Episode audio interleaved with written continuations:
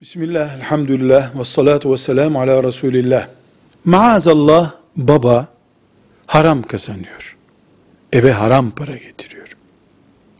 Çocuklar, bilhassa kız çocukları nasıl bu harama karşı tepki gösterecekler? Elbette biz böyle baba istemiyoruz, bunun kazancını da yemiyoruz diyecek halleri yok. Bu makul değil. Babalarının ellerini öperler, rica ederler, yalvarırlar. Ee, biz de çalışalım, baba sana destek olalım derler. Ayrı bir mesele. Ama evde bilhassa reşit olmayan çocuklar ve evin hanımı babanın getirdiği parayı helal süzgecinden geçirmeden eve almıyoruz demediler diye günaha girmezler. Evet içlerinde bir burukluk, içlerinde keşke olmasa şeklinde bir hissiyat bulunmalıdır.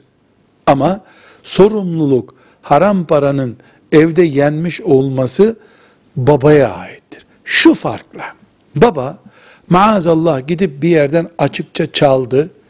Üstünde birisinin ismi bile var.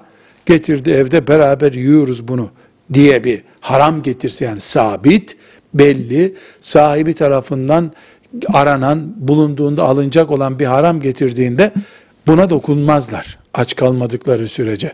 Ama ticaret yapıyor, ticaretinde hile yapıyor, memurdur şuradan rüşvet aldığı gibi haram karışımlı bir mal getiriyor diye onların babalarını terk etmeleri gerekmez. Velhamdülillahi Rabbil Alemin.